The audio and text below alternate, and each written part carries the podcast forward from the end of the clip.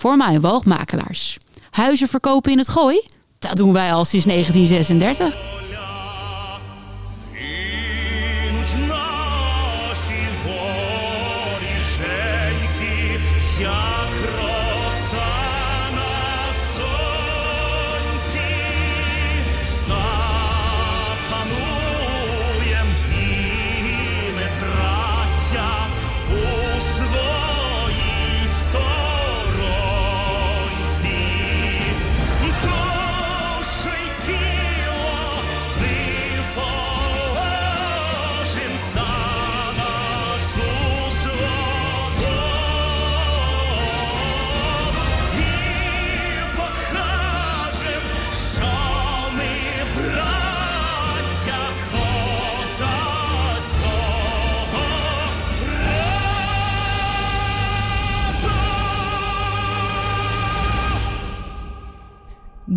Вечора, шановні радіослухачі. З вами перше українське радіо у Нідерландах на радіохвилі Радіо України НЛ. і Я його ведуча Олена Зашивайко. Тож розпочинаємо наш ефір. Сьогодні п'ятниця.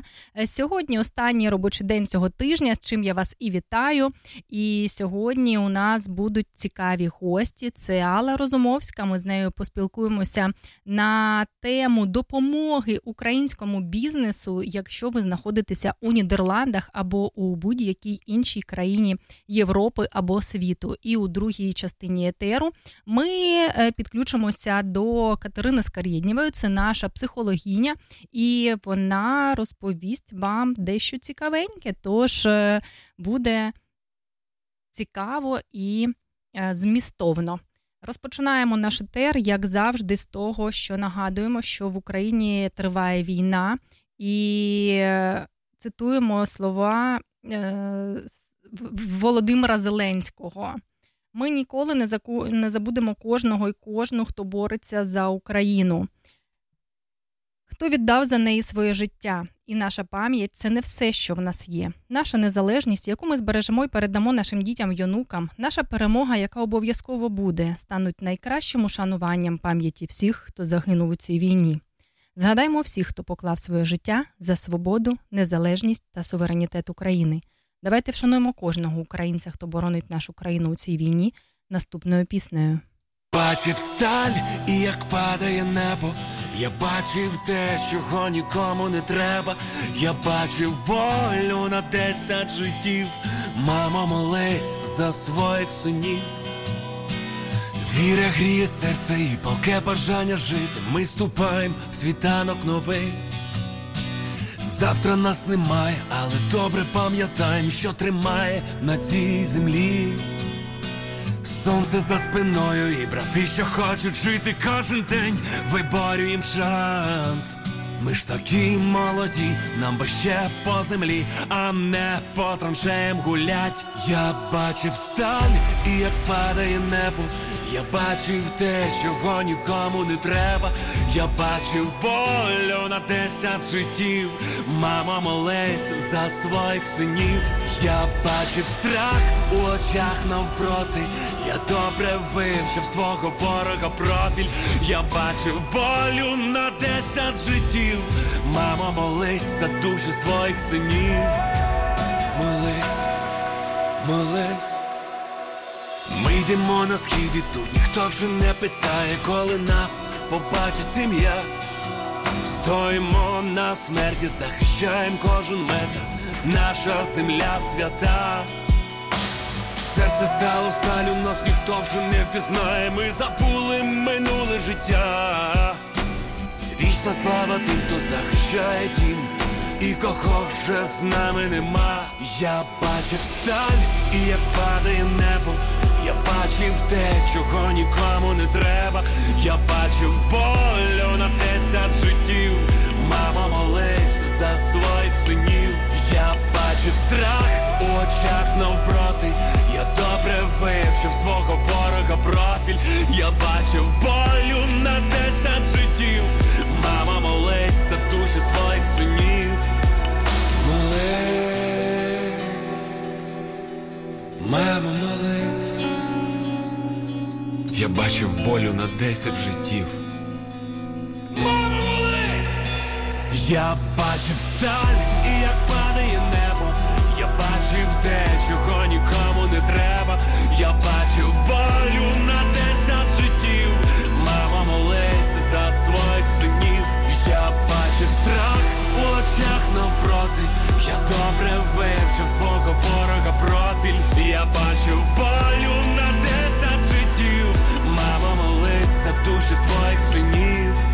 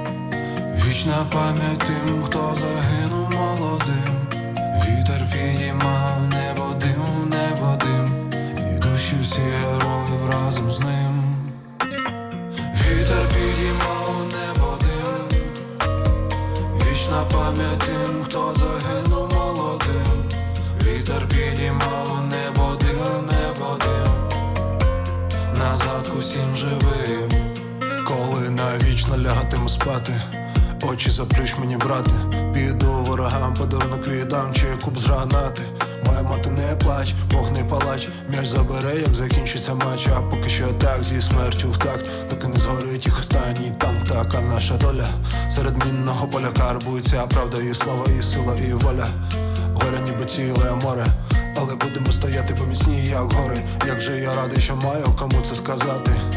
Очі заплющ мені, брате, коли навічно лягатиму спати.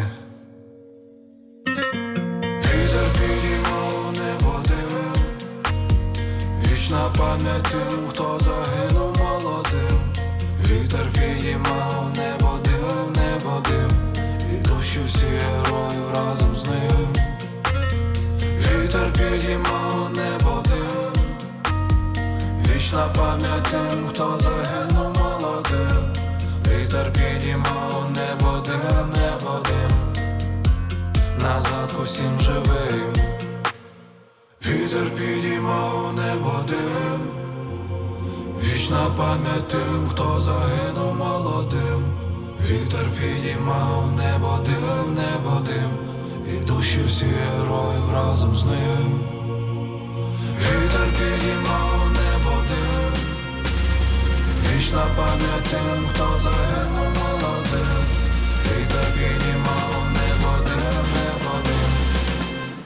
назад к усім живим.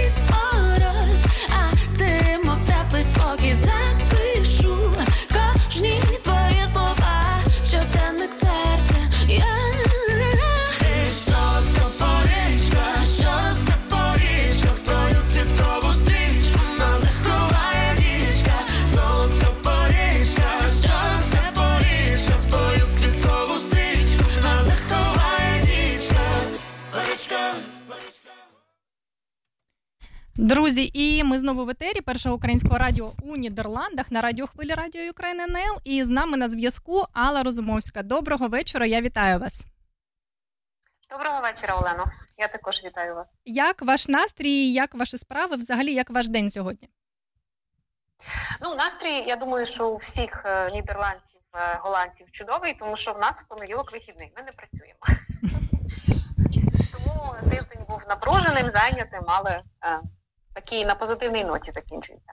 Так, дуже класно, тому що завтра і після, е, післязавтра, та й взагалі три в три вихідних можна спланувати якусь е, міні-подорож або взагалі провести дуже цікаво і корисно час, або просто порелаксувати вдома. Е, Сьогодні дуже така цікава у нас тема допомога українському бізнесі з Нідерландів. Але ж мені здається, що навіть із інших країн світу це також можна робити. Розкажіть свою Ну, ідею. Так, звичайно. Е, Ну, ви знаєте, е, почалось все дуже дуже просто. Е, Справа в тому, що коли ми в Нідерландах чи ми в інших країнах, у нас в Україні залишилися ще рідні, знайомі, близькі нам люди. І навіть якщо вони не потребують якоїсь фінансової допомоги, я знаю, що багато людей надсилає якісь невеличкі сюрпризи, може якісь подарунки, щоб все ж таки полегшити їм те життя і трохи позитиву внести. Е, І справа в тому, що ну я також мала таку ідею, і е, ну перша думка ну то купити щось в Нідерландах е, і перевезти це в Україну. Ну але звичайно, транспорт не дуже дорогий, це все їде дуже довго. І тому я подумала: ну у нас все ж є онлайн в Україні, бізнес діє в багатьох регіонах. І ось з цього в принципі почалося, що я почала купляти товар в Україні, тобто замовляти онлайн. Там чи подарунки, чи сюрпризи. Е, можна ну все замовити, і все чудово е, діє. Е, я принаймні п'ять разів у різних п'ятьох компаній замовляла і ніколи не розчаровувалась ні якістю, ні, ні також дуже швидко це все доходить. Е, то це така перша, е, перша ідея. І е, знаєте, недавно я розмовляла зі своїми знайомими за кордоном, і вони ой, а це справді можна, а там справді все працює. Я кажу, ну так, звичайно. Тому вирішила тоді написати до вас, що можливо більше людей не подумало про це, так тому що ми всі зайняті, десь кудись біжимо. І хотіла саме поділитися такою ідеєю.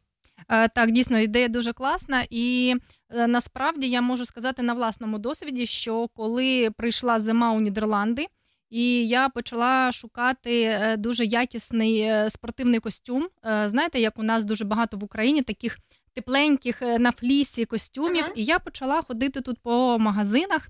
В Амстердамі, в Утрехті, і я зрозуміла, що взагалі немає такої якості, тому що тут зими зовсім інші. І е, Ну, я. Так, і я знайшла в інстаграмі сторінку українського виробника, котрі виробляють такі теплесенькі костюми. І, до речі, ціна дуже мене порадувала, тому що якби такий костюм був е, у Нідерландах, він коштував би у два рази точно е, дорожче. І я замовила собі. Ця посилочка прийшла там через два дні до мого чоловіка додому, і він відправив мені вже з тими речами, котрі мені були потрібно, потрібні. Таким чином, коли ми замовляємо речі в українському бізнесі, так у українських виробників, ми підтримуємо не лише бізнес, тому що НДС та е, податки вони ж також сплачують у державу, і дійсно таким чином ми підтримуємо і е, державу, і бізнес. Але наші флісові костюми ні з чим не зрівні не зрівняти. Так, я чесно Бачу, кажу. погоджуються. Я також погоджуюсь, тому що дійсно я відносила його цілий сезон, і він е, виглядає як новенький. Так, і е, до речі, я хочу також поділитися е, своїми спостереженнями, тому що от у мого чоловіка, наприклад, вчора було день народження, і я також на цьому тижні відправляла е, з Нідерландів е, пакуночок, ну сюрприз якийсь. Ага. І от якщо, наприклад, казати про сири або смаколики, так, такі, як у Нідерландах, ну мені здається, е, нема таких. А якщо це стосується якихось речей, це е, не продукти, е, не продукти або е, якісь там не смаколики, а саме там одяг або якісь е, сувеніри, то дуже багато бізнесів працює саме в Україні. І це дійсно класна ідея. Е, Так, я собі замовляла з України в Польщу, тому що я дуже часто там, е, там буваю. Спочатку я замовила своїм рідним, вони сказали, що якість хороша, дійшло все, і тому я також, також робила так, як ви. Так, ви в Нідерланди передавали чоловіка. Я, я в Польщу, бо просто ближче було. Я також боялася, що це дуже довго, е, довго буде йти. Е, Відносно їжі, е, звичайно, е, я ну онлайн також можна замовити солодощі, ну українські, звичайно, там голландські ва- вафлі, не знаю, чи є, може і є. Уже в АТБ мені сказали, вже дуже схожі вафлі на нідерландські. Уже хтось привіз туди технологію і продають. Чи АТБ, чи сільпо, точно не скажу, яка мережа Ну, магазинів, але вже працює. Я пам'ятаю, що я хотіла е, купити е, рідним фрукти, е, не солодощі. Е, ну то це просто я просто перевела кошти, і вони змогли собі купити на місці, тому що зрозуміло, свіже це е, немає смислу передавати.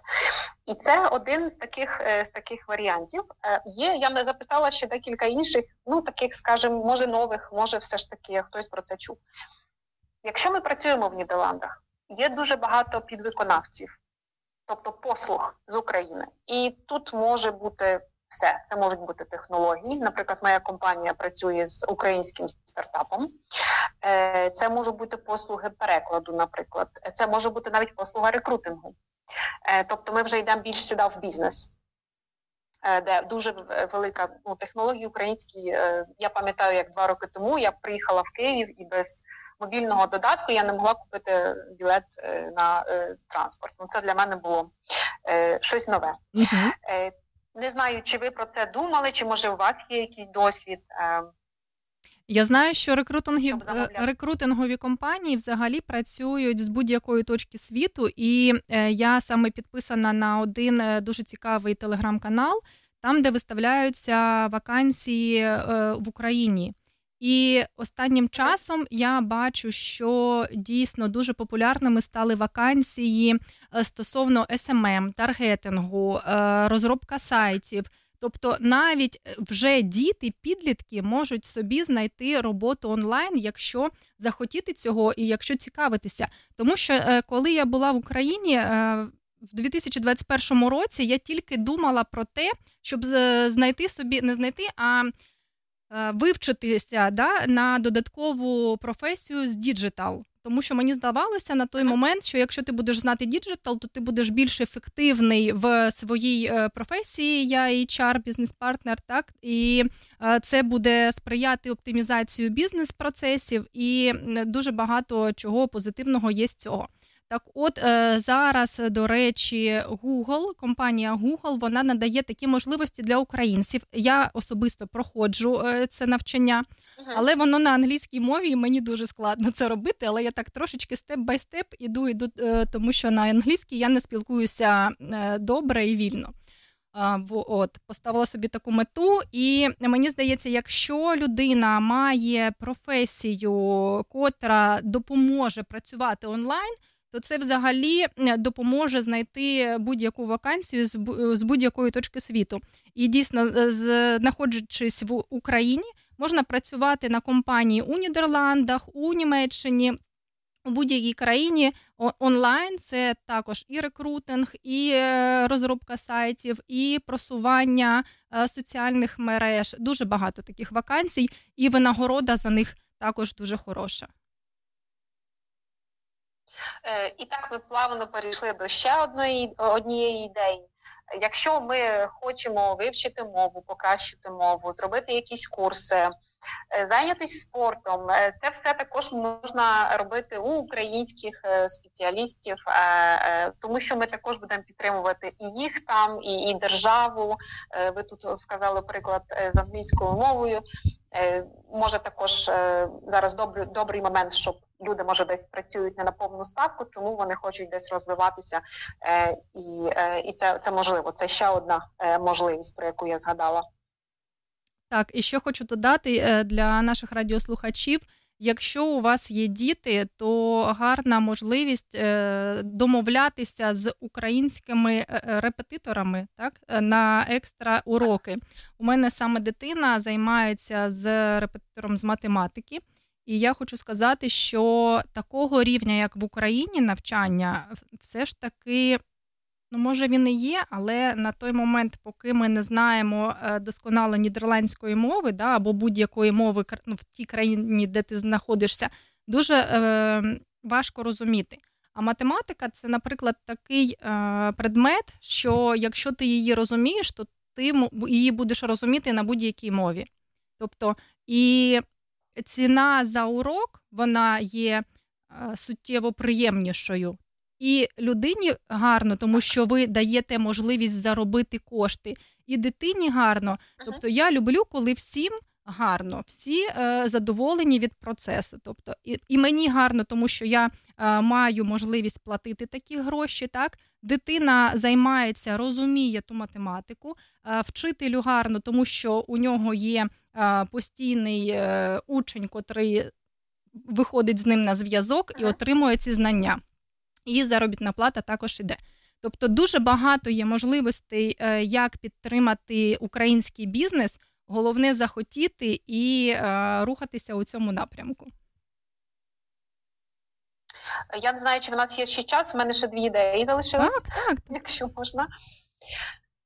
Е, ми також підтримуємо бізнес, коли ми підтримуємо наших е, співгромадян тут. Е, в нас дуже багато майстрів і, ну, наприклад, майстри краси це це дуже нове. Я навіть в мене колеги по роботі з Нідерландів кажуть: ну от пішла перший раз, я вже ні до кого іншого не зможу ходити. Тому про це треба пам'ятати. Якщо вони зможуть заробити тут, потім вони поїдуть ем, і також привезуть це, це в Україну. Е, це одна річ. Е, дуже багато наших ем, співгромадян також е, ручні роботи роблять. Ну просто чудові, такого якого ну тут його немає.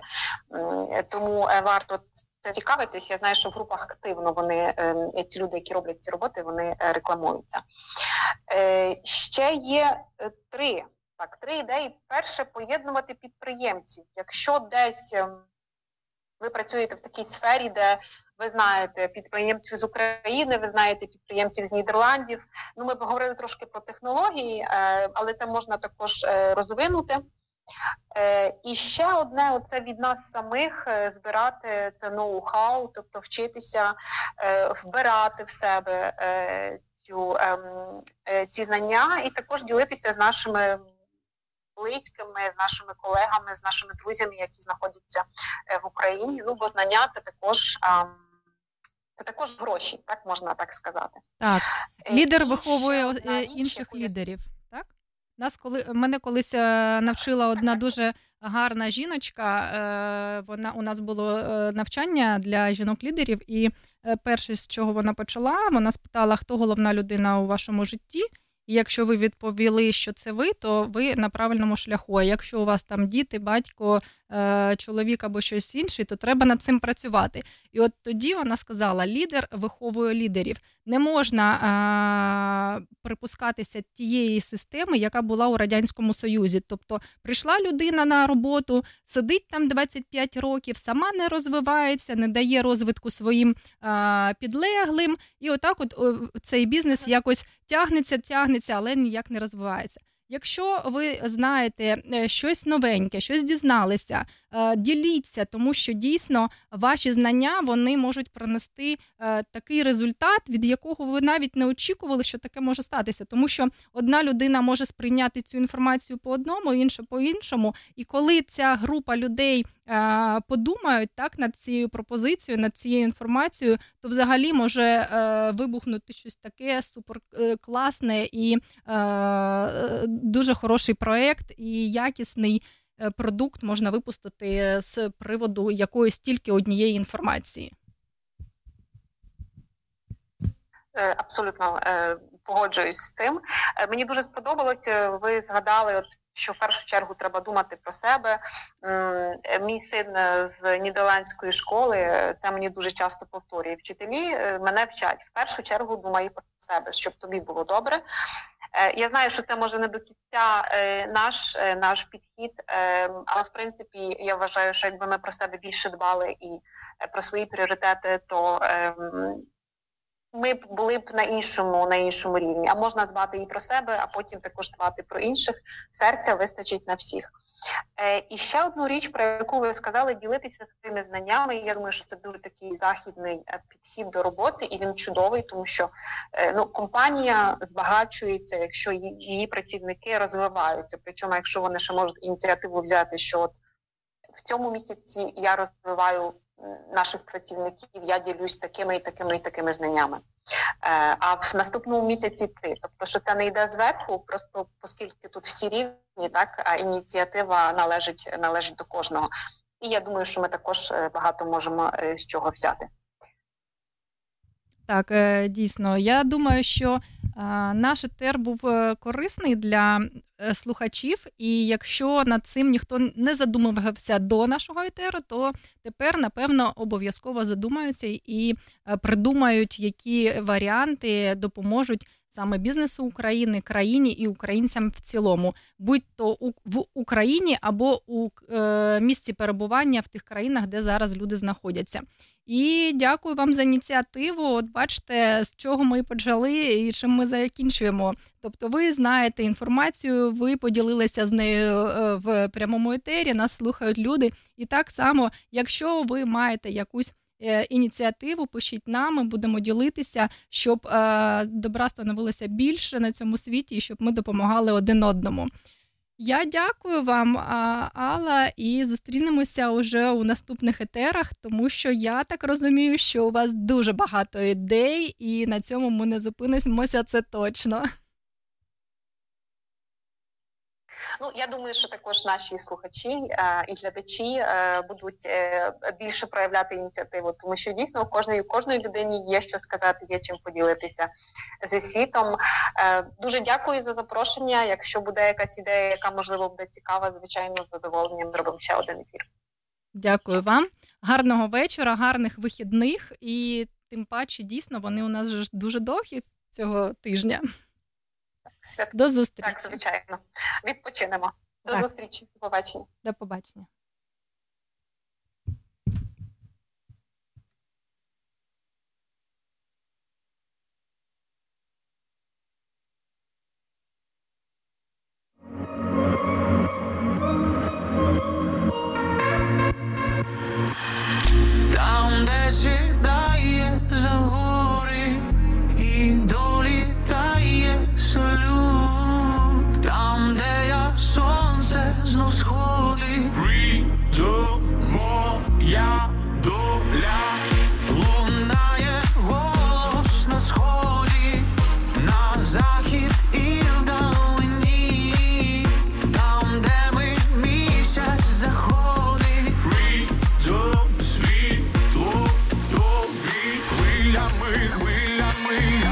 Як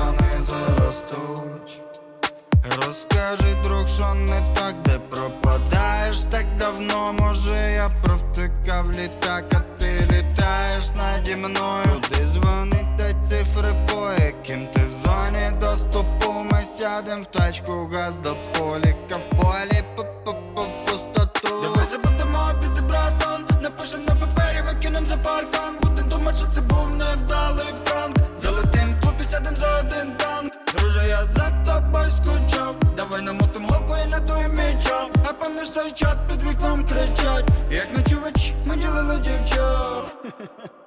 Давай на чистоту Сядем разом на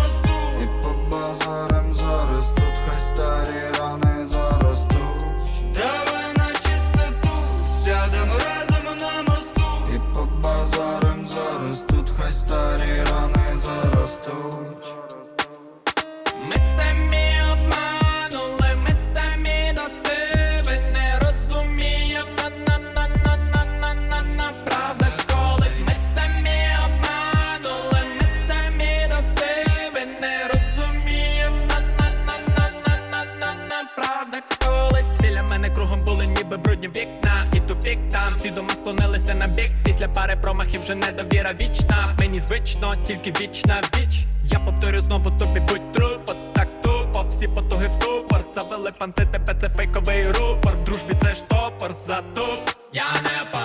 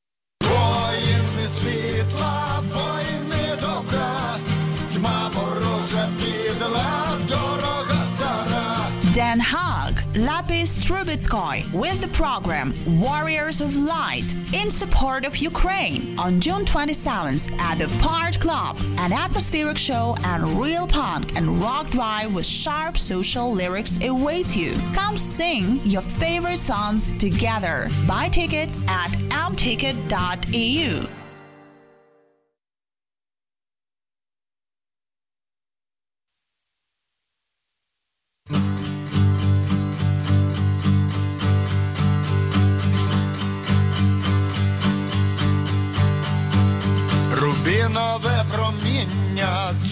сонця зорі, бореться із тінню високо вгорі, звуться вище неба, брат і сестра, догорить багаття вечірня пора, радуйся молоту в сильній руці, водоспад, молодість в світлій ріці, бий барабан.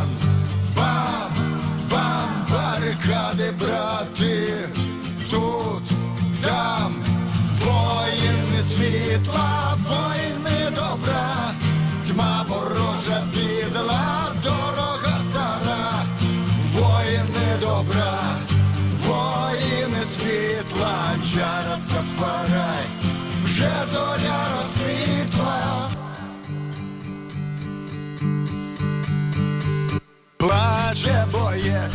шеврон на камуфляжі, скільки сердець спинили кулі вражі на схиді дракон, готується помститись, давній закон, рубає, аби зігрітись, радуйся молоту в сильній руці, водоспад, молодість в світлій ріці, бий барабан. Бам, брати тут, там воїни світла, воїни добра, тьма ворожа бідла, дорога стара, воїни добра, воїни світла, чара стафарай, вже зоря роз.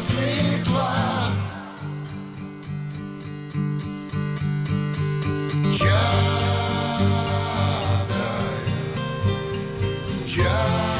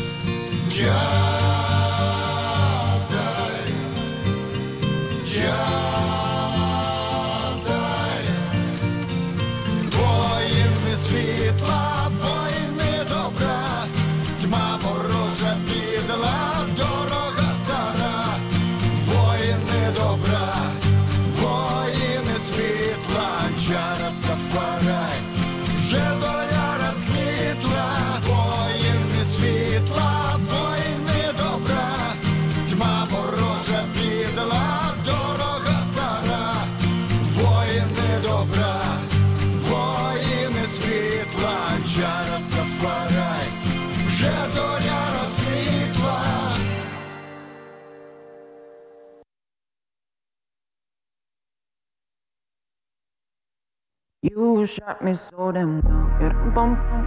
You shot me, then you me, and I'm like damn. Yeah, bum bum. I see the satisfaction in your eyes. Dum bum bum. I love you and I trusted you so well. So I, oh I, oh I. Baby, I see what's on your mind. I see you try to find another lie for me. And when I ask about it, mm, when I ask, you're hiding from me. mm Confusing thoughts and mystery. I see our love was just a fantasy for me. You play me like nobody. mm When you were everything for me. mm You shot me so damn well. You dum bum bum. You shot me, then you got me, and I'm like damn. You dum bum bum. I see the satisfaction in your eyes. Dum bum bum. I loved you and I trusted you so well. So why, oh why, oh why? You shot me so damn well. You dum bum bum. You shot me, then you got me, and I'm like damn. You dum bum bum. I see the satisfaction in your eyes. Dum bum bum. I'm looking at you Phase, no sympathy from me. You turn into your enemy. I see. Don't wanna talk about it. Mm-mm. Cause I don't have no reason to believe you. Confusing thoughts and mystery. I see. Our love was just a fantasy. For me. You play me like nobody. Mm-mm. When you were everything. You shot me so damn well. You don't bum bum. You shot me, then you got me, and I'm like damn. You don't bum bum. I see the satisfaction in your eyes. Dum bum bum. I loved you and I trusted you so well. So why, oh why, oh why? You shot me so damn well. You dum bum bum. You shot me, then you got me, and I'm like damn. You dum bum bum. I see the satisfaction in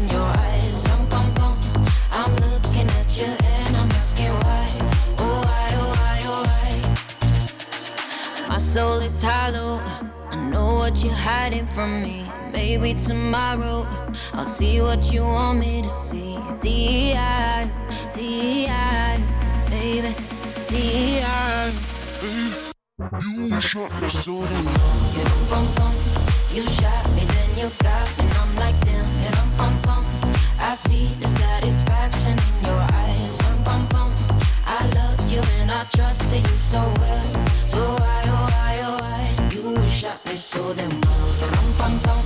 You shot me, then you got me, and I'm like damn. You dum bum bum. I see the satisfaction in your eyes. Dum bum bum. I'm looking at you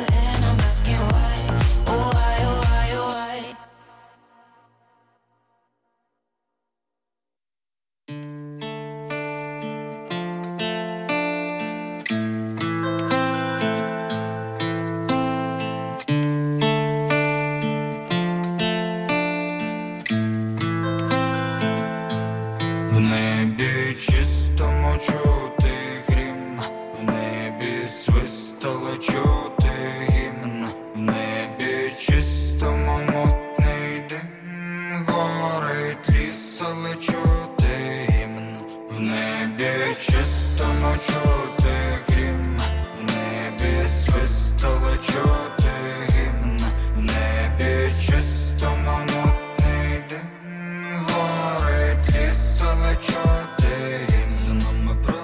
Значить вистоїмо ваші вистріли, за нами правда її ніяк не пристрелить. За нами правда, значить визволим селом, ми за селом, за нами правда, значить ми з долин повиганяєм зло. Ну а поки будем битва за Азов і Буч, за Дні, за Дніпро і Круч, за Ірпінь, який ти муч, за, зелений квітучий, за Херсон землю родючу, за, Донбас получ, за Чернігів неминуч, за, лі, за ліси дрімуч. За Хмельницького Богдана, за, Фра, за Франка Івана, і за Суми, і за храми, ЗСУ прийде за вами, і за ночі, і за рани, за кожен тривожний ранок, за Харків і тюльпани, за, за Одесу, маму, за Рівне із Долбанів, за Полтаву, Львів і Полі, за Київ, Луцьк, за Вінницю, за Миколаїв, долі, за Чернівці, Черкаси, Тернопіль, Кривий Ріг, за Запоріжжя і Житомир, і за Крим забуться гріх. В небі чистому чути грім, в небі свистало чути гімн, в небі чистому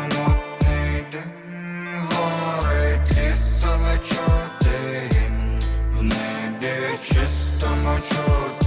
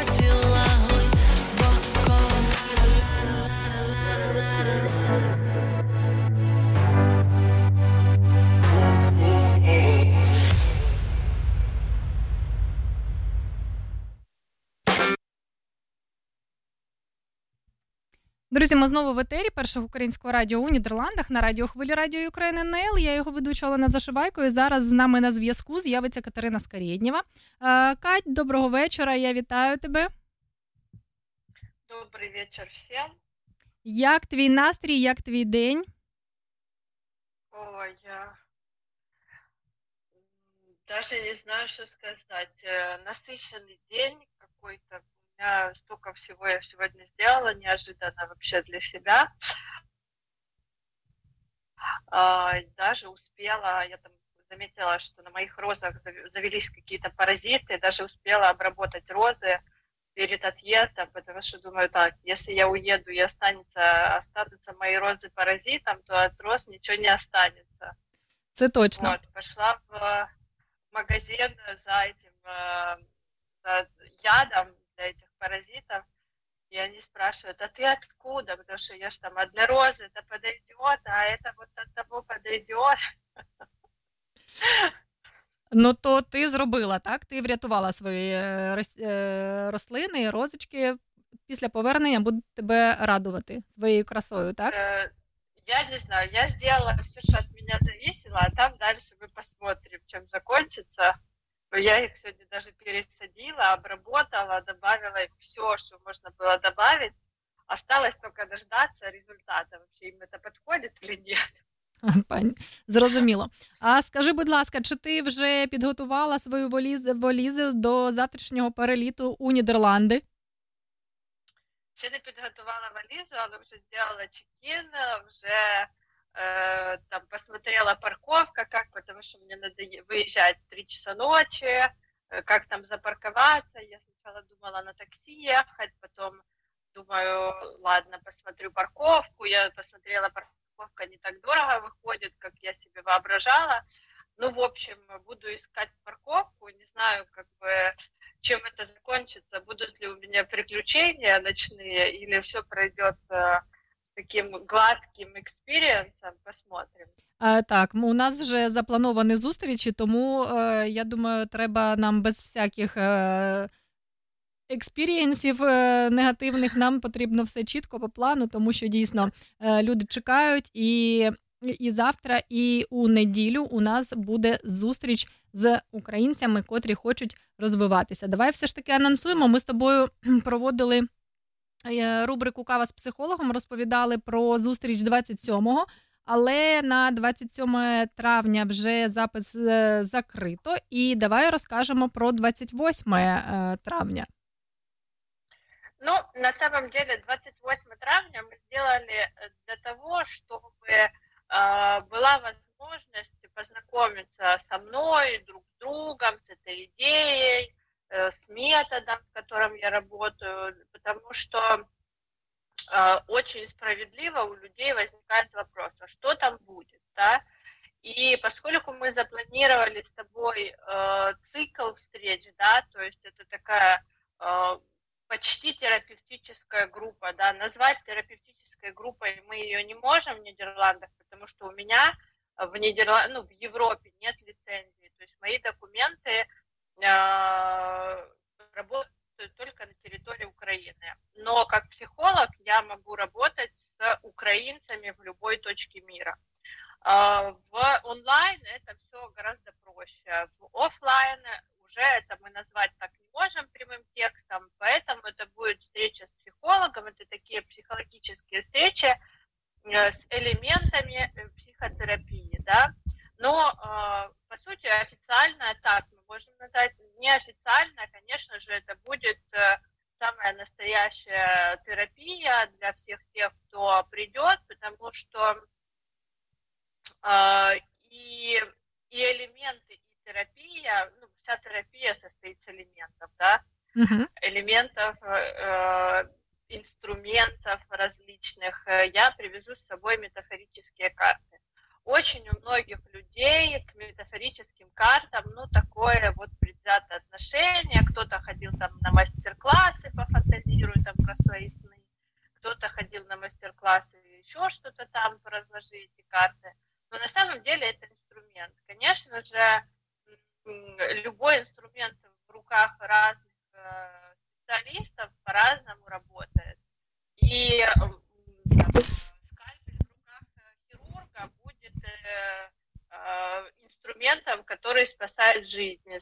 Скальпель в руках дурака будет инструментом, которым он будет колоть орехи. Поэтому, э, ну, тут такое дело, да, и э, для того, чтобы, ну, как бы, э, мы с тобой активно говорим о том, что спрашивайте документы, да, смотрите компетенцию, знакомьтесь. И для того, чтобы не э, противоречить своим словам, не уходить в сторону от этого, а следовать за этими словами, как раз мы с тобой и приняли такое решение, чтобы создать группу для тех, кто сомневается, для тех, кто э, хочет, но не, не понимает, что это, как раз вот показать на примере одной или двух работ, для, кто, кто захочет вообще э, поэкспериментировать, познакомиться, так сказать, от первого лица.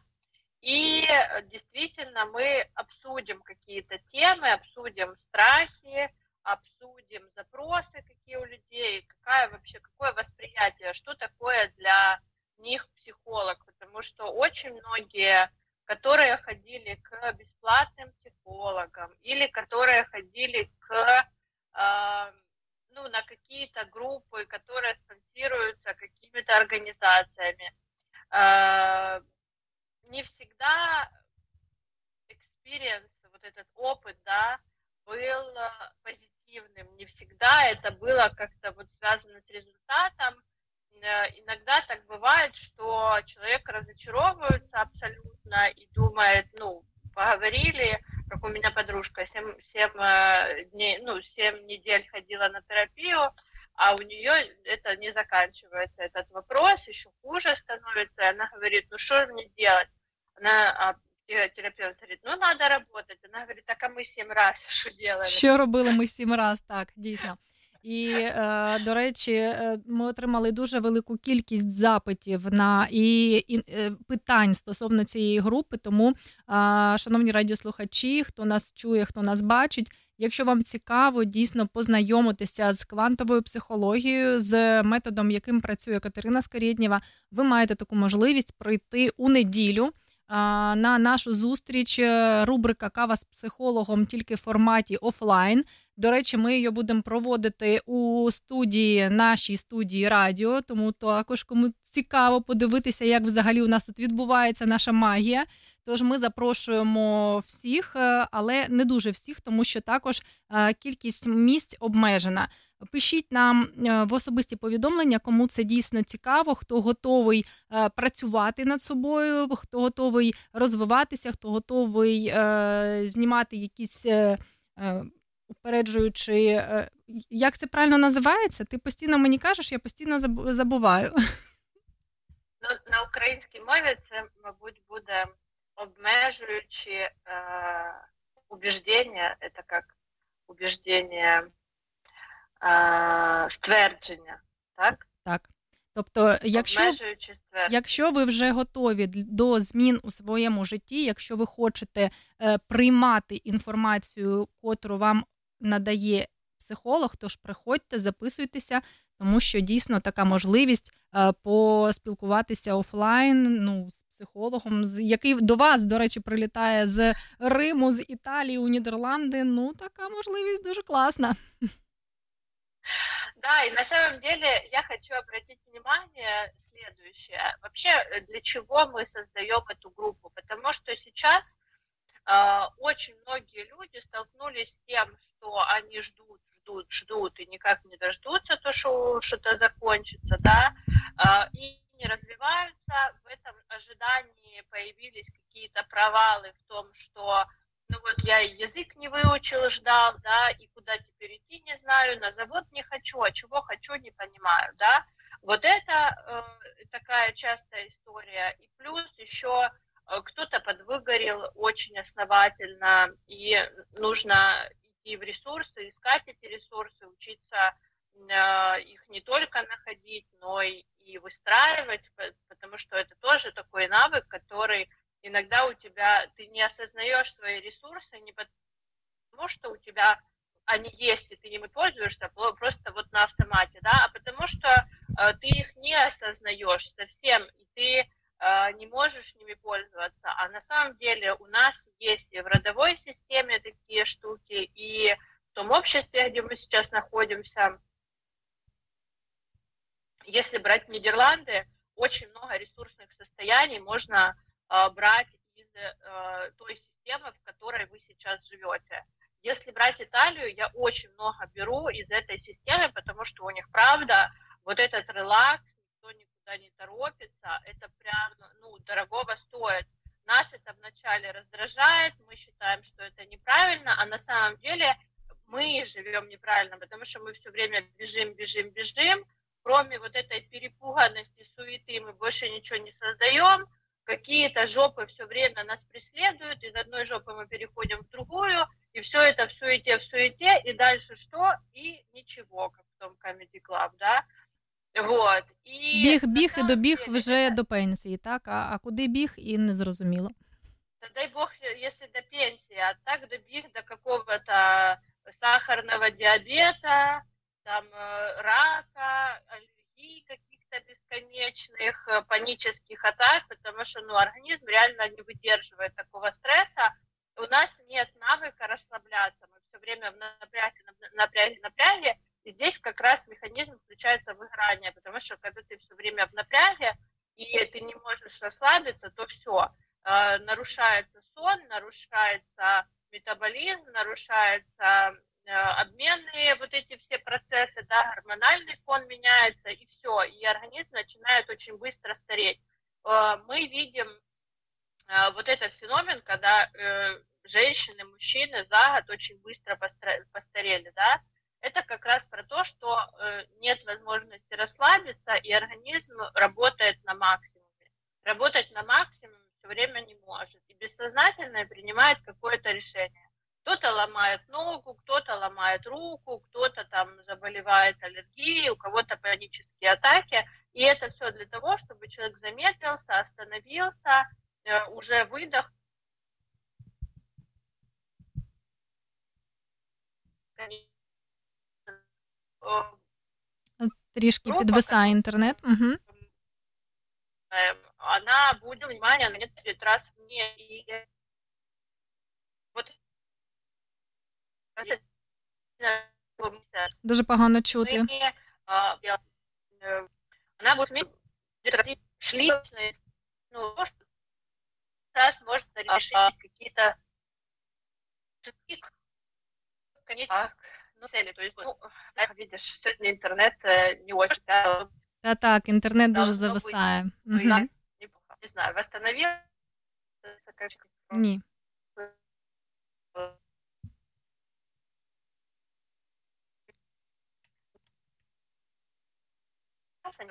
Ну, я, я тебя точно тоже в кубиках пока вижу. Угу.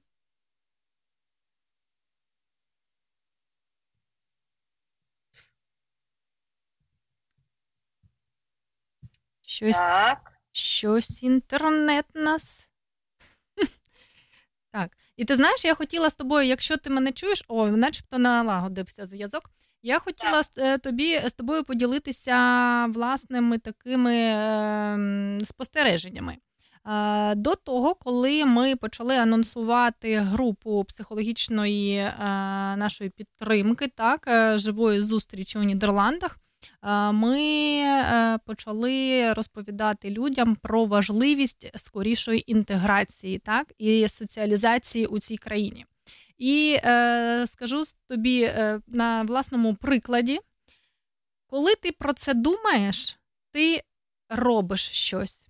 І от е, цей тиждень у мене виявився такий класний взагалі на спілкування, на зустрічі, і кожного дня до мене приходили е, друзі, саме нідерландці, датчменсон, ну тобто нідерландські люди.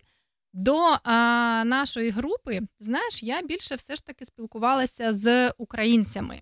Але ці люди в моєму житті були, вони е, також е, там ми мали зустрічі, але не настільки, не настільки часто. А от саме на цьому тижні кожного вечора до нас в гості приходили е, мої нідерландські друзі. Я тобі хочу сказати, це так класно. У мене зараз повний дім е, квітів. У мене зараз дуже багато з'явилося нових ваз, тому що вони приходять. Вони ж не знають, що там в мене вдома. Так ну е, перший раз людина запрошує додому.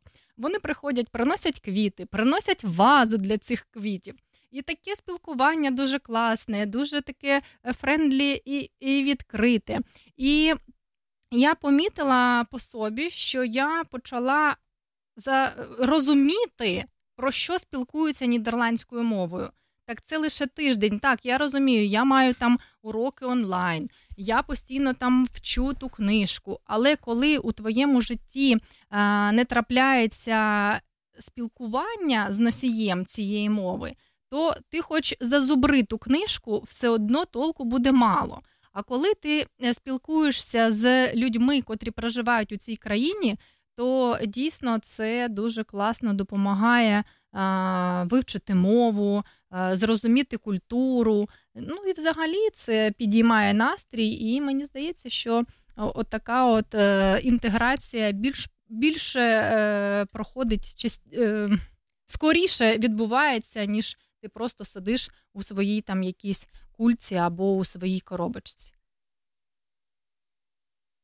Інтернет, інтернет нас сьогодні точно На самом підводить. деле, то, что мы с тобой делаем, это прям огром... ага. огромная работа. Слышно меня, не Так. слышно? Мгм. А, не- ну, там, э, я пропоную перейти до музичної паузи і переподключити наш зв'язок, тому що ну, е, це буде дуже таке. Добре? Давай.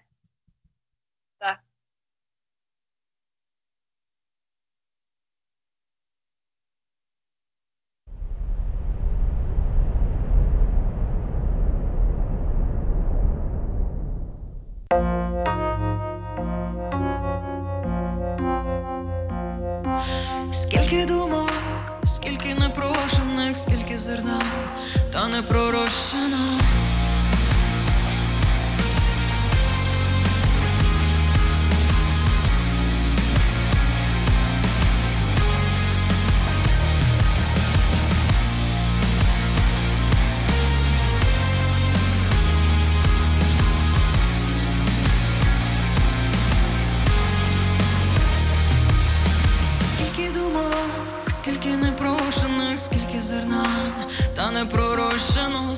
Машин назавжди зламаних, скільки людей на моїй пам'яті. я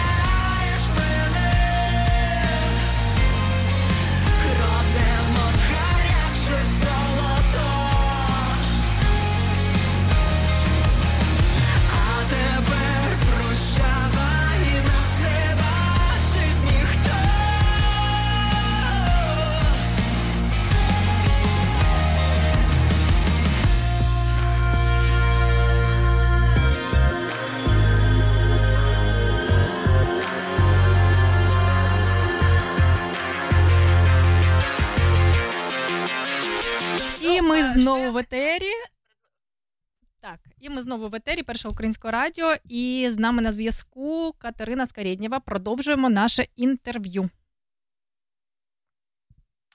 А, Да, и я хочу продолжить то, что я начала говорить в э, прошлом нашем видео, э, что мы делаем очень важную штуку. Вообще терапевтическая группа и любые группы с психологом, они очень важны, потому что мы смещаем фокус внимания, да, мы не только прорабатываем причины, какие-то того или иного а, там, поведения, ситуации, чувств, ощущений, переживаний или еще чего-то, а мы еще смещаем фокус, а как может быть по-другому?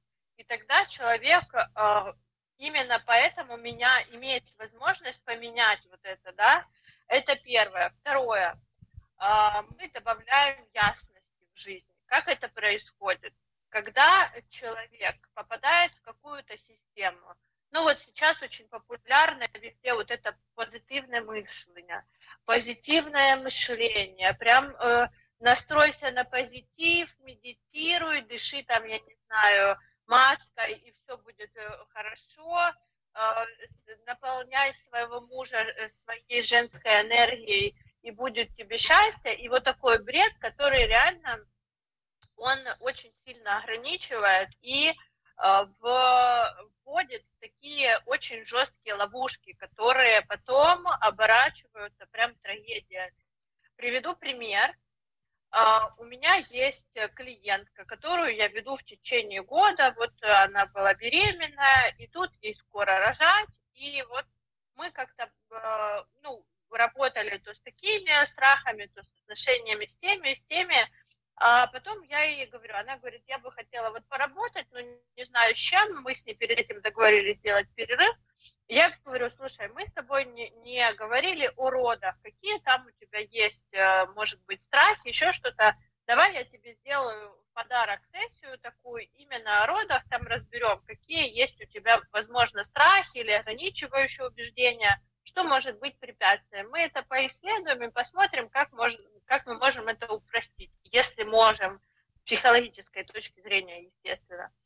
И она говорит, ой, супер идея, класс. И вот мы с ней встречаемся, она говорит, ну вот я э, хочу естественные роды, я буду рожать дома, договорилась с э, акушеркою там какой-то Тобто страху на, навпаки у людини немає.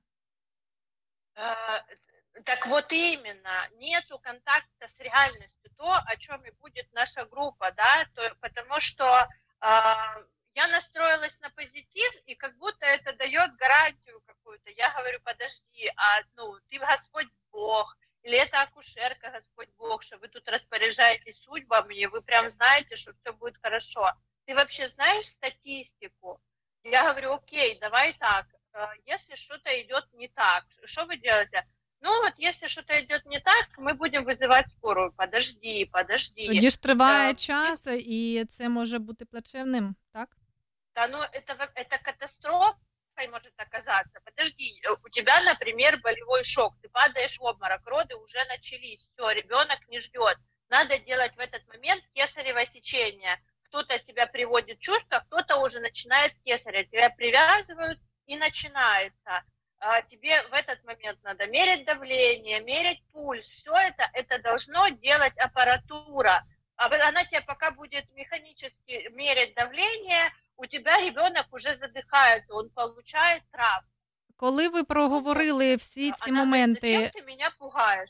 От е, я хот, я хотіла дізнатися саме реакцію е, людини. Так, вона вже настроїлася на е, роди вдома. А, а коли от вона отримала всю цю інформацію, дійсно, вона взагалі про це не думала раніше, що так, таке може трапитися? Ні, суть в том, что вот человек попадает, ну, э, во-первых, человек беременный, да, уже есть какие-то там тревоги, что-то, и а, пытается вот эти все мысли обойти, да, для того, чтобы себя как-то сохранить. Но тут еще же есть куча специалистов, понимаешь, которые говорят, я принимаю роды дома с аптечкой, и все зашибись как хорошо. Подождите, но это не 200 лет тому назад, что все хорошо с аптечкой, что баба-повитуха пришла, э, там, если что, что-то молитвой заговорила, и слава Богу. Если нет, человек умер, закопали, рожает следующее.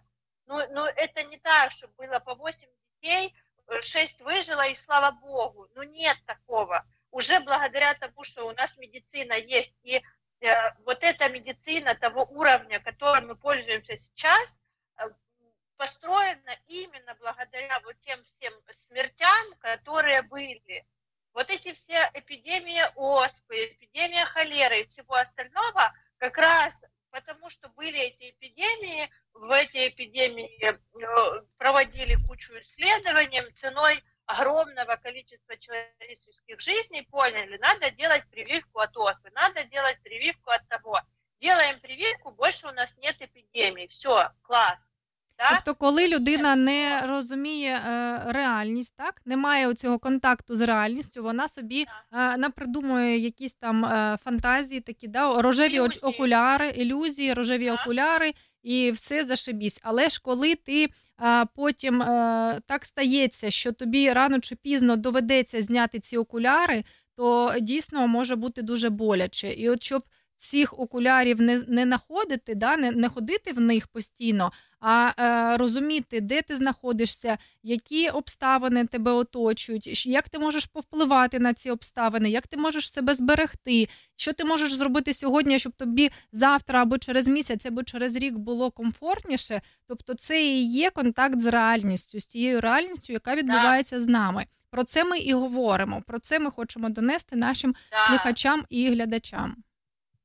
я хочу обратить внимание, что человек, ну, он ходит к терапевту, да, вроде бы как работает над собой, но тем не менее он э, не смог тебя защитить от вот этого воздействия, потому что пришла какая-то женщина в момент уязвимости, она рассказывала кучу каких-то небылиц, что там в больнице э, ребенок получает стресс от яркого света, и э, ему там перерезают пуповину, ему там не хватает чего-то там, и э, там э, халатные врачи, и то все пятое, десятое. Ну і мама ж е, з- зі своїх переживань дійсно думає, наша мені та лікарня, я краще буду народжувати вдома. От так от воно, Да, воно і и она, відбувається. вот и ребенка у тебя заберут, а ребенок без мамы, вот он был все время с тобой, а потом его заберут, куда-то там положат, А потом тебе через два дня его отдадут. Господи Боже, я говорю, подожди, если у тебя роды проходят нормально, у тебя ребенок остается с тобой.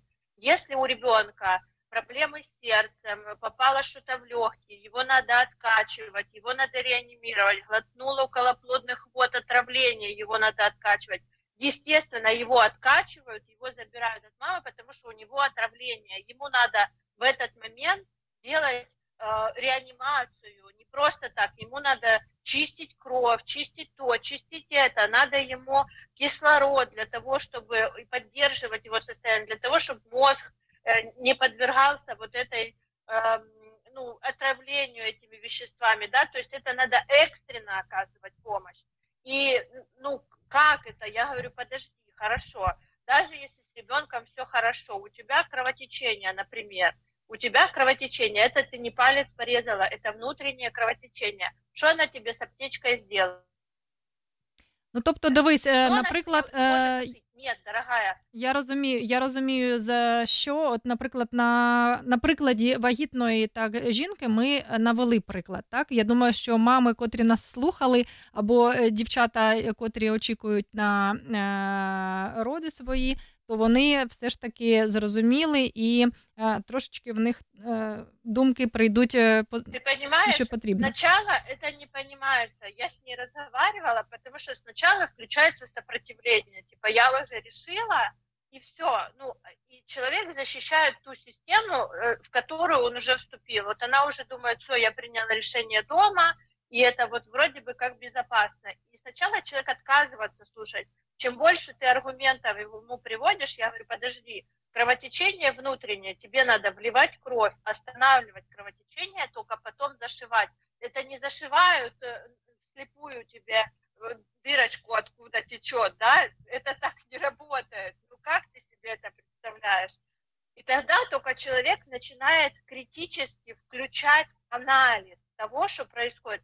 Я говорю, окей, у тебя кровотечение, вы вызываете скорую. Скорая едет там, типа, минимум 15 минут. Хорошо, а максимум какой? А вы максимум учли? Хорошо, приезжает скорая. Ты же учитывай всю процедуру у нашей стране. Она не приезжает уже с необходимым оборудованием, чтобы тебя подключить и привести в больницу готовой.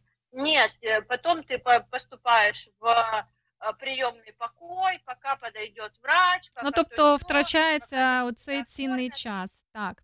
А, Конечно. Или ребенка сделать инвалидом, или самой остаться инвалидом, или, не дай бог, э, вдвоем пострадать, да, только потому, что какой-то женщине ты поверил и не хочешь верить в реальность. Реальность, она как раз разная. Суть вот этой нашей группы показать о том, что реальность бывает и хорошая, и плохая, и это происходит в один момент.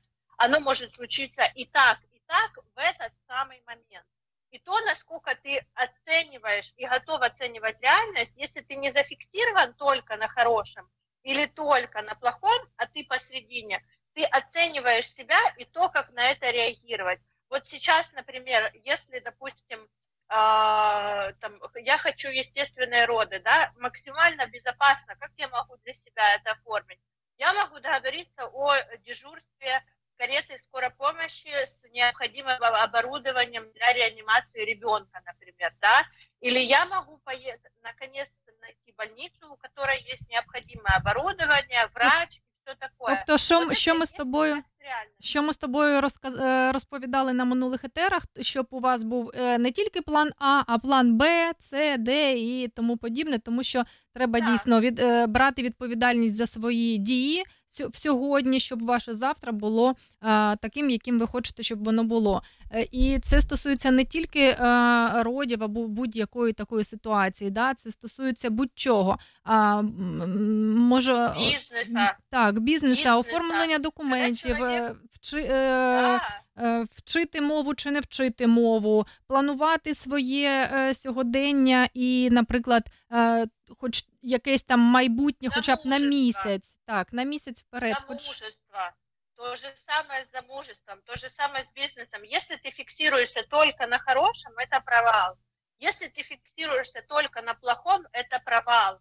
Потому что если ты фиксируешься только на плохом, все плохо, мы все умрем, все такое. У тебя нет энергии туда вступать, у тебя куча страхов. Даже если ты туда вступаешь, твое бессознательно организовывает все таким образом, чтобы вот это плохо случилось наконец-то, чтобы ты с этим справился и выдохнул. Но оно случается, ты с этим пытаешься справиться и думаешь, ну все, все как я и хотел, поэтому я этим заниматься больше не буду. А, залог вообще любого успеха – это когда ты посередине. Не все хорошо и не все плохо, а я вижу и хорошее, и плохое. Когда я вижу и плюсы, и минусы, я могу принимать адекватное решение, адекватные ситуации, адекватное месту, адекватное времени, адекватное мне сейчас, моему состоянию, достаточно ли у меня ресурсов сюда вступать, да, Э, что касается замужества, да, если мы э, пытаемся принять решение или хотим найти мужа, часто такое бывает, что хочется найти какого-то там иностранца, чтобы облегчить себе жизнь, и вот мы встречаем любого первого попавшегося иностранца, и вот этими розовыми очками мы себе такого организовываем геморроя на полжизни, что просто потом не хочется никакого вообще, ни иностранца, ни своего, вообще никакого, потому что первый попавшийся, мы же его не оцениваем критично, что вот это его плюс, а вот это его минус. И, например, мне это подходит, да, или я с этим не согласна, и этого я терпеть не буду, да, идем дальше, смотрим, э, кто там у нас дальше есть, да, нет, все, я буду за него бороться, вот это что эти женские тренинги, которые лишают ума, я их называю, они лишают реально критического мышления, вот этого способности оценивать себя, человека, да. Я знаю такие случаи, когда э, наши э, девочки э, приезжали там в Германию искать себе парня, потом в Германии не нашли, им там то не нравится, это не нравится, поехали в Англию. Ну вот я сейчас в Англии найду, в итоге в Англии она, что называется, залетела, родила ребенка в шелтере распределительном, на грани того, что у нее сейчас отберут ребенка, у нее ничего нет, ни средств. Этот мужик э, от ребенка не отказывается, но от нее отказывается. И вот это все происходит в ее жизни прямо сейчас. И уже когда это она себе создала в своей жизни, она обращается за помощью. Но тут я могу уже как бы помочь выстраивать заново, что-то там корректировать, но я же не могу все отмотать назад, правильно? Психолог это не мах, ну и мах не может отмотать назад. У нас нету такого инструмента даже в 21 веке, чтобы мы могли все отмотать назад. Нет, мы Машина часу, так? Ще не вигадана. себя.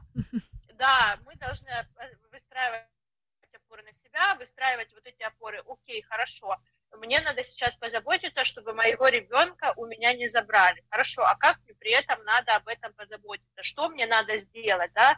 Вот это начинаем, потом дальше. Мне надо обеспечить себе... Тобто психолог може е, подкоректува, е, відкоригувати так ваші думки, підсвітити е, так, підсвітити ваші дії і е, допомогти вже е, у сьогодні рухатися у майбутнє саме так, як ви хотіли би, щоб у вас е, воно сталося колись. Правильно? Да. Тому що Потому якщо ми например, сьогодні щось накосячимо, то вигрібати будемо потім, так?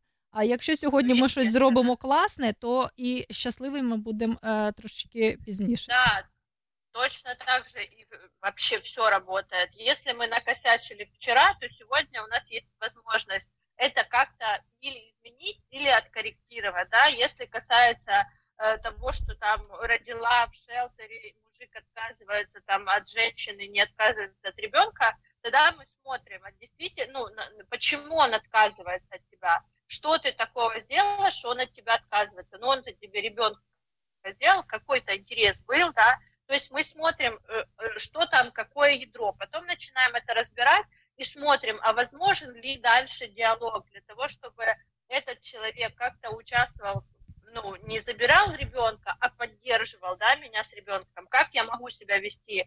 А, И оказывается, что там были претензии, требования, недовольство. Естественно, на претензии, требования, недовольство у мужика, у которого, который у себя дома, включается агрессия и думает, ну, даже если ты с ребенком, особенно европейцы, их это не э, наши, которые там 20 лет тому назад еще менталитетом некоторые, да, регионы, скажем так. А, тут такого нет. Ну, окей, ты залетела, ты еще без прав, без документов, беженка от войны, начинают все тебя шпунять из угла в угол, ты с этим ребенком. Понятное дело, что тебе надо сначала организовать контакт с реальностью, на что ты реально можешь претендовать в этой ситуации. Тобто, э, на что ты хочешь, да, здесь вот два, что ты можешь, чего ты хочешь, как мы это объединяем. И тогда мы смотрим, если мы убираем претензии, уходит агрессия с той стороны. Если мы убираем вот эти требования, да, позиция сверху и впадание в жертву, о, появляется диалог. Вот, бинго, да, мы начинаем как-то выстраивать вот этот диалог. комунікацію починаємо вистраювати. Так, і дійсно, комунікація це дуже важливо.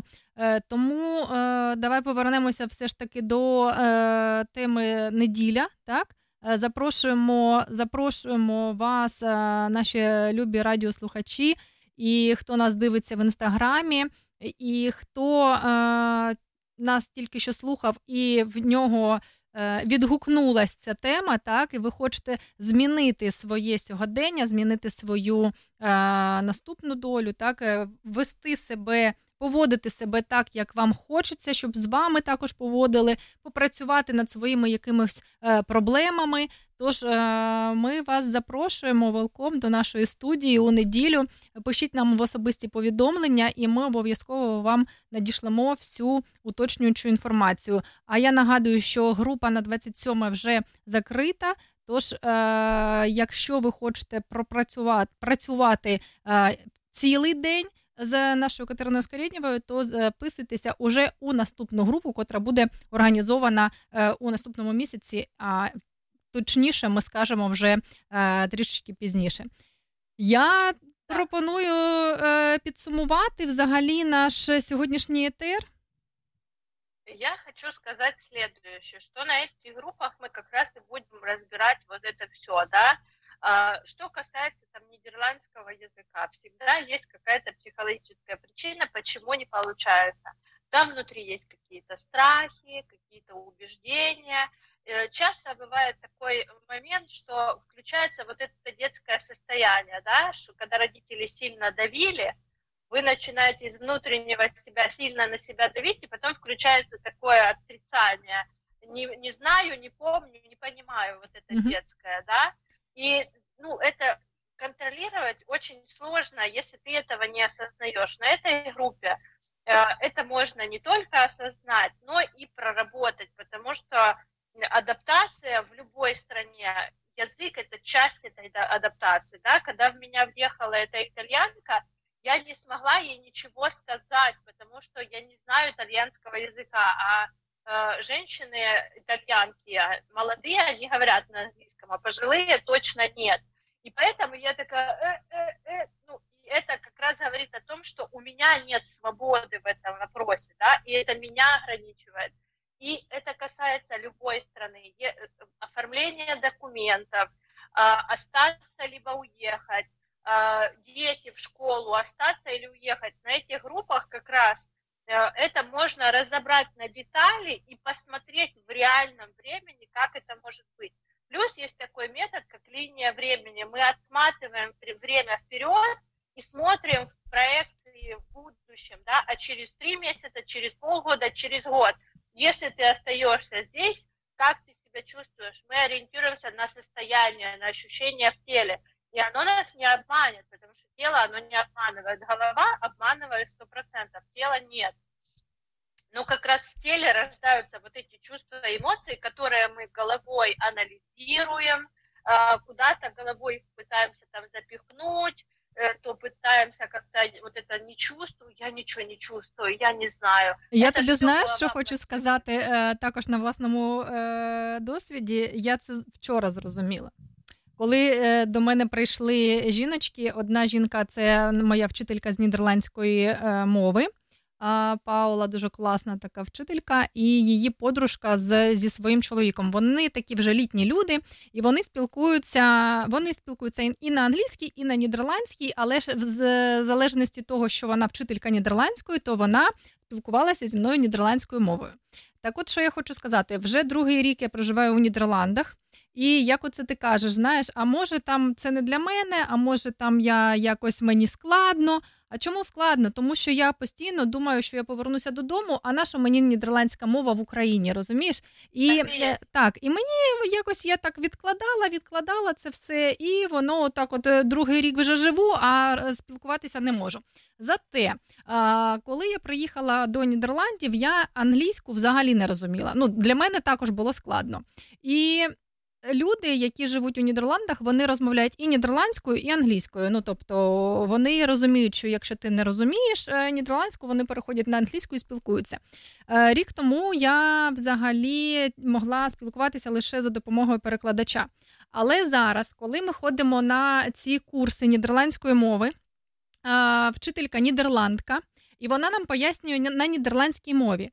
А як ти можеш зрозуміти граматику або там якісь правила на нідерландській, коли ти не знаєш нідерландську, ти тільки прийшов її вчити. І вона нам пояснює все на англійській. І ти розумієш, так працює мозок, що ти чомусь починаєш розуміти англійську. Ну тобто для тебе вже англійська стає такою більш рідною, тому що ти ж прийшов вчити нідерландську, а з, за допомогою якого інструменту? За допомогою інструменту англійської. А нічого, що ти англійську не знаєш. Ну ти розумієш, як це працює? Це так прикольно. І коли я починаю про це думати. Думаю, ух ти, ну реально так мозок у нас якось е, працює цікаво, тому що ну, якби я була в Україні, мені б так е, розповідали англійську з українською. Ну, тобто, да, на, на, на українській пояснювали б мені граматику англійської. А так як я у Нідерландах, у мене е, уроки нідерландської і пояснюють мені їх на англійській мові, то ти тут хочеш або не хочеш, тобі потрібно розуміти англійську. І воно, ну, воно якось у тебе відкладається у голові. Да, ти розуміється. І я думаю, слухай, так прикольно це ну, працює взагалі, тому що Я бачу по собі, що дійсно я розумію англійську. Ну, я вже її сказати можу. Ну, тобто, хоча я її вчила так само, як і нідерландську. убеждения. Вот когда ты не задумываешься, как это работает, у тебя это все усваивается достаточно легко и просто. Ну, это знаешь, как, э, типа, если сороконожку задать вопрос, как она ходит, то она упадет. Мгм. Так вот, и, и, ну, это ограничивающее убеждение. Пока ты на них не смотришь, они тебя ограничивают, ты думаешь, английская, это это очень сложно, ничего не понятно, то-то-то. Потом ты думаешь, так, нидерландская, это очень сложно, ничего не понятно, все, английская подходит. Так, так, так. Англійська підходить, я за допомогою англійської зможу вивчити нідерландську, тому що ну тут же ж м, дуже складно знайти, наприклад, е, вчителя, котрий зможе тобі на українській викладати нідерландську. Ну тобто. Так, і вже ця англійська вона стала як інструментом для вивчення нідерландської. Ну і це взагалі мені здається. Я пам'ятаю ще півроку назад. Ти про це розповідала у прямому етері, у одному із наших прямих етерів.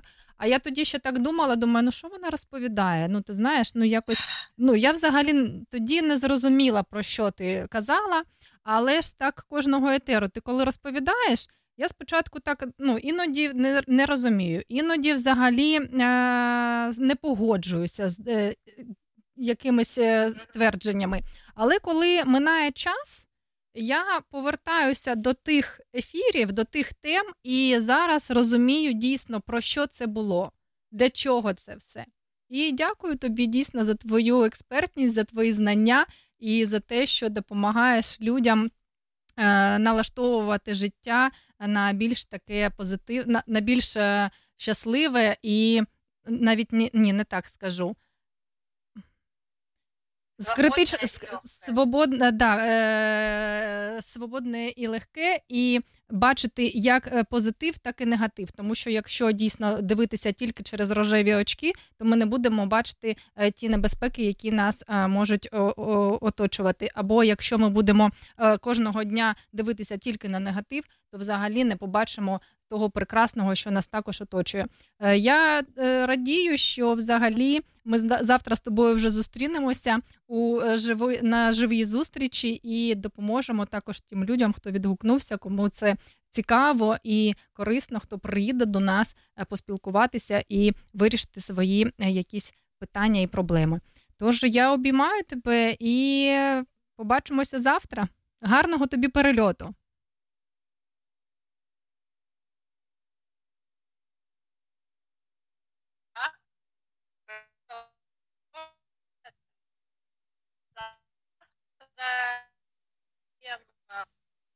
кто э, хотел посмотреть, что э, узнать, увидеть э, себя, нас, Дай мені відчути все навколо, дай Нема, мені нема інтернету. все це на работает. собі. Знаю, я знаю, я знаю, що свобода робить нас щасливими. Ти дай собі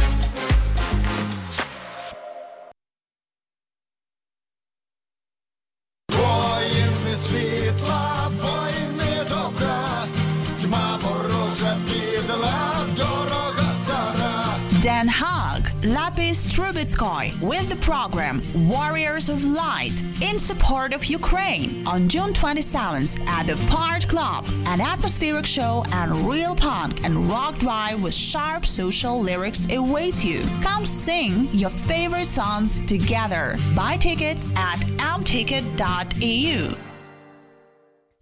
Друзі, і ми знову в етері першого українського радіо у Нідерландах на радіо Хвилі Радіо України НЕЛ. Мене звати Олена Зашивайко, я його ведуча. Я хотіла з вами поспілкуватися з приводу того, що ми проводимо розіграші е, білетів на концерти українських виконавців, які проходять у місті Денхаг у приміщення парт. Кожного місяця ми робимо е, таку благодійну справу, що розігруємо два квиточки для українців, котрі ма- мають можливість потім відвідати ці концерти абсолютно безкоштовно. Ми ці розіграші робимо безкоштовно, е, без донатів, без нічого, для того, щоб саме у українців з'явилася така можливість піти на концерт і е, послухати українських пісень, також і е, розслабитися, підтримати е, наших виконавців, наших співаків і українські гурти. Але е, чомусь е, за останні два розіграші ми отримали два фідбеки від двох дівчат. Котрі підписані на нашу сторінку у інстаграмі про те, що в наших розіграшах е, приймають участь боти і виіграють також боти.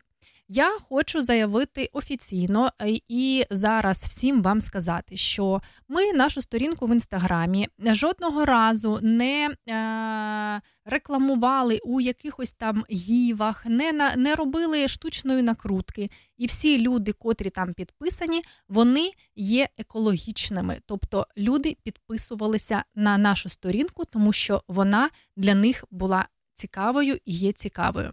Е, Якщо ви вважаєте, що в наших розіграшах е, приймають участь боти і виграють боти, так і е, на жаль, ви в цьому раз в цей раз не виграли квиток, і тому ви відчуваєте таке почуття, що нібито, нібито хтось вас там надурює, хтось робить спеціально, щоб ви не виграли. Я кажу вам дійсно правду і закликаю кожного, хто так думає, напишіть нам в особисті повідомлення. Можливо, ви маєте. Якусь, а, якийсь алгоритм дій, як можна а, зрозуміти, чи реальна ця сторінка, чи нереальна. Тому що останнього разу, коли ми розігрували квитки на концерт Надії Дорофеєвої, я особисто приділила а, дуже багато часу, зробила е, таке повідомлення і відправила практично всім учасникам. а, Хто приймав участь у цьому розіграші в особисті повідомлення? Це е, цей запит. Спитала, в якій країні е, люди зараз проживають, тому що для нас дійсно для команди першого українського радіо у Нідерландах та й команди е, першої концертної агенції України, котра організовує ці заходи, ці концерти. Дуже важливо, щоб квитки отримали саме ті люди, хто дійсно проживає у Нідерландах, саме ті люди, котрі прийдуть на цей концерт, хто підтримає. Ми не хочемо у ні у якому разі а, надавати ці квитки якимось, якимось там ботам або нереальним сторінкам. Тому дійсно, а, якщо ви вважаєте, що якось можна почистити е, е, цей, ем, цю соціальну мережу. або у вас є якийсь алгоритм дій, підкажіть, будь ласка, ми це зробимо. І дійсно хочу зауважити, що коли у прямому ефірі ми проводимо розіграш, і я називаю ім'я, то перед тим як опублікувати це відео у інстаграм, людина пише: Дякую, я почула, що я виграла. Дякую вам за можливість відвідати концерт. Тому, якщо ви думаєте, що е, хтось не виставляє свої фотки з Нідерландів або зі своїх подорожей, то можливо це тому, що не хочуть ранити тих людей, хто залишився в Україні. І дійсно, ви знаєте, коли мені написала одна дівчинка, що а, у вас виграють білети боти, я від вас відписуюсь. Ну, я відповіла е, чесно, якщо ви були підписані на нашу сторінку тільки для того, щоб е, приймати участь у розіграшах квитків, то дійсно ну, ви робите правильно, тому що наша робота вона більш глибока і більш соціальна. Вона не заключається лише на розіграшах квитків. Розіграш квитків це як один із таких додаткових подарунків, додаткових можливостей для наших українців. І е, жодного, жодної сторінки, куди б я написала свій запит, е, що з якої ви країни, кожна сторінка мені відповіла, що це з Нідерландів. Тому, е, якщо ви не вірите і можете написати нам в особисті повідомлення, ми надішлемо вам дані е, людей, хто виграв. Ви зможете особисто поспілкуватися з тими людьми, чи запитати, чи ходили вони на концерт, чи не ходили, тому що для нас це також дуже важливо. Ми хочемо, щоб всі квиточки, котрі е, котрі ми розігруємо у етері нашого радіо, отримували українці, котрі знаходяться бажано під тимчасовим захистом у Нідерландах або у іншій країні е, Європи, котра недалеко від Нідерландів, так є можливість приїхати саме на цей концерт. Тому що ви знаєте, е, зірки приїжджають з концертами для того, щоб збирати. Суми і допомагати Україні, допомагати армії, допомагати людям, котрі знаходяться в Україні. І ми так само хочемо, щоб е, ця робота приносила задоволення і е, пользу дійсно е, тим людям, котрі проживають у Нідерландах зараз. Якщо ви, наприклад, живете в іншій країні і ви знаєте, що ви не приїдете на той концерт, то, будь ласка, не ставте свого коментаря, не ставте свого лайка під нашими розіграшами. Нехай там буде 50 а, відміток, ніж 450, але дійсно квиток отримає лише та людина, котра дійсно зможе прийти на е, е, цю зустріч, приїхати на концерт і подивитися і підтримати наших зірок. Я дуже прошу кожного, хто чує зараз мене. Е, Якщо ви розумієте, що у вас немає можливості приїхати на концерт, то, будь ласка, не приймайте участь у розіграшах наших квитків. А якщо ви проживаєте у Нідерландах, то, е, будь ласка, відмічайте людей, котрі також проживають у Нідерландах, і їм ця ініціатива буде цікавою, і вони також зможуть з вами прийти на концерт і послухати українських пісень. Це дійсно е, дуже важливо для мене особисто, тому що ми е, домовляємося, ми беремо ці квитки, ми робимо е, велику роботу для того, щоб допомогти українцям. І якщо це цей інструмент використовується неефективно, то нащо тоді взагалі це робити? Я ці квитки можу мамі своїй віддати, і вона з задоволенням поїде на той концерт. Розумієте, до чого я? Дякую за розуміння, дякую за увагу. І хочу сказати, що як би там не було, давайте залишатися людьми і бути добрішими один до одного. І тоді е, дійсно і світ буде е, трішечки світліший, добріший, і е, нам буде трошечки легше жити. І якщо ви знаєте інструмент, як можна е, визначити, е, жива то сторінка або то створено штучно, то напишіть, будь ласка, поділіться своїм досвідом, і ми обов'язково це зробимо. А з вами була я, Олена Зашивайко. Це перше українське радіо у Нідерландах на радіохвилі радіо Ukraine NL. І ми свою роботу робимо для вас і заради нас. Я хочу нагадати, що це волонтерський проєкт. Ми зовсім не маємо бюджету, тому е, кожного етеру приходимо спілкуватися для вас, щоб бути цікавими, корисними, щоб допомогти вам інтегруватися у новій країні, щоб допомогти вам е, дізнатися більше про культуру нової країни. І е, може після прослуховування наших подкастів, наших етерів. Ви е, щось відкрите для себе новеньке. Це також дуже важливо для нас. Якщо у вас є можливість, то на сторінці інстаграму е, у шапці профілю ви зможете знайти посилання е, з повною інформацією про наш проект. Там також є лінки на банківські рахунки. Якщо у вас є можливість, така і бажання, ви можете підтримати будь-якою сумою донату, і це допоможе нам е, у вирішенні будь-яких там е, поточних питань і покажуть так дійсно, що наш проект все ж таки е, потрібен і важливий для наших людей, котрі знаходяться зараз у країнах Європи або інших країнах світу. І хочу сказати, обіймаю вас всіх. З вами була я, Олена. Зустрінемося у понеділок. У нас у понеділок буде дуже чудова гостя. Я щаслива від того, що маю можливість спілкуватися зараз з українськими співаками, з українськими гуртами і поспіваємо, поспіваємо, поспілкуємося, візьмемо інтерв'ю і клас. Поширюємо українську музику. Тож всім гарних вихідних. Вони у Нідерландах е, цього, цього тижня будуть довгими. Заплануйте собі е, якісь е, такі класні івенти, або просто відпочиньте, якщо ви вже втомилися і відчуваєте, що дійсно треба просто побути наодинці. Гарних вихідних, всіх обіймаю, всім пока. З вами була я, Олена Зашивайко.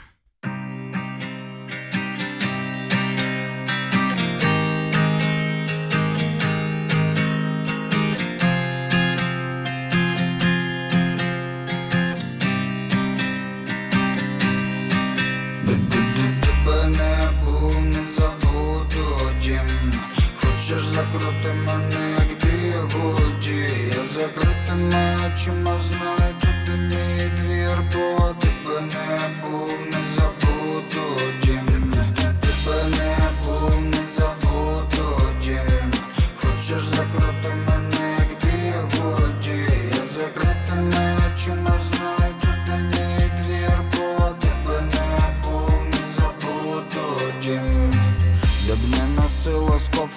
чужих краях. Я вертатимусь додому по дорогах і полях. Боляче, коли побачив вдалині рідний маяк. І хочеш море переплить до нього, але не Рідна хата пахне пирогами з вишнями. Із печі Снилось, як світи фарами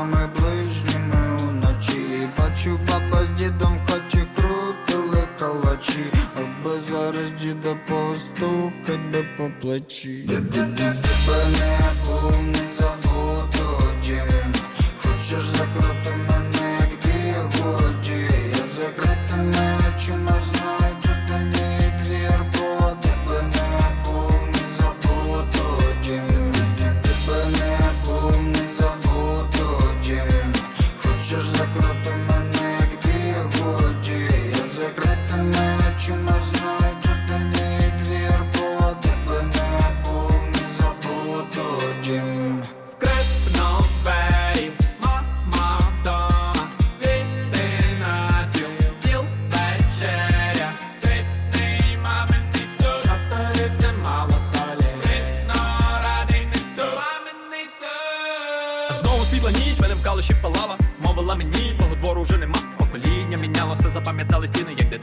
ці писала імені навіки. А знову світла ніч, без мене вже гуляла. А може коли-небудь я вже би не жалів за минуле, що летіло вдаль, не наче ворон, а я вдома зберігаю свою ностальгію. Я